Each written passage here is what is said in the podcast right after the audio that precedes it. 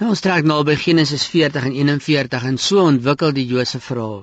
En as ons elke môre opstaan en weet ek so moet Josef ook opstaan, min wetende wat daardie dag vir hom gaan inhou. Vanmôre se tema is ek leef om elke geleentheid wat in 'n dag op my pad kom aan te gryp met beide my hande. Hoeveel van ons lewe elke dag sonder 'n entoesiasme vir wat die dag vir ons mag oplewer?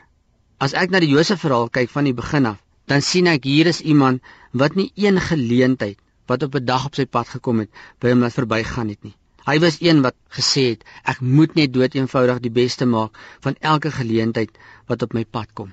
En so baie dae loop ek en jy dalk in 'n groef. So baie dae staan ons op, dan lyk hierdie middag maar doodgewoon net soos die vorige dag. Hoekom? Omdat ons nie elke geleentheid wat op ons pad kom sien as 'n geleentheid om sommer net die beste daarvan te maak nie.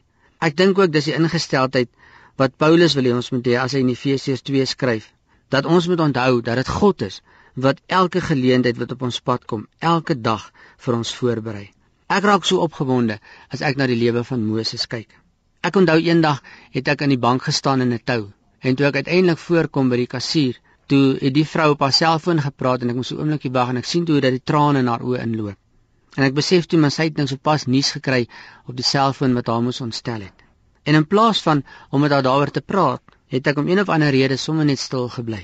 En toe ek die dag daar weggeloop en ek stap by die bank uit en ek stap so in die gangetjie van die besigheidsentrum af waar die bank in is, toe is dit asof ek die stem van die Heilige Gees hoor wat my praat en vir my sê: "Louis, wat moes ek alles doen? Besef jy wat ek alles moes doen en in plek kry om jou op daai spesifieke oomblik voor daai vrou te kry wanneer sy daai selfoon oproep kry. En weet jy wat?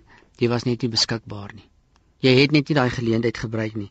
En dit was 'n groot groot les wat ek daai dag in my lewe geleer het. Die tragiese in die hartseer is omdat ons as kinders van die Here nie elke dag die geleenthede aangryp wat op ons pad kom nie. Raak ons Christelike lewe partykeer saai in 'n groef en ons lewe nie entoesiasties rondom dit nie.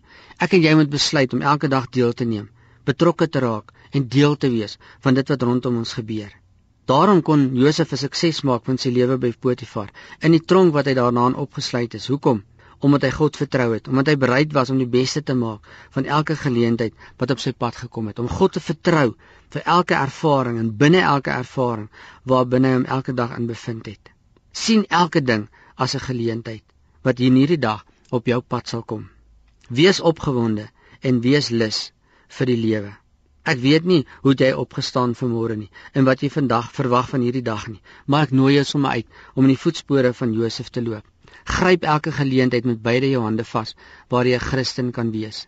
Opgewonde, gryp die dag Christene is aantreklik vir ander mense wat rondom jou is elke dag.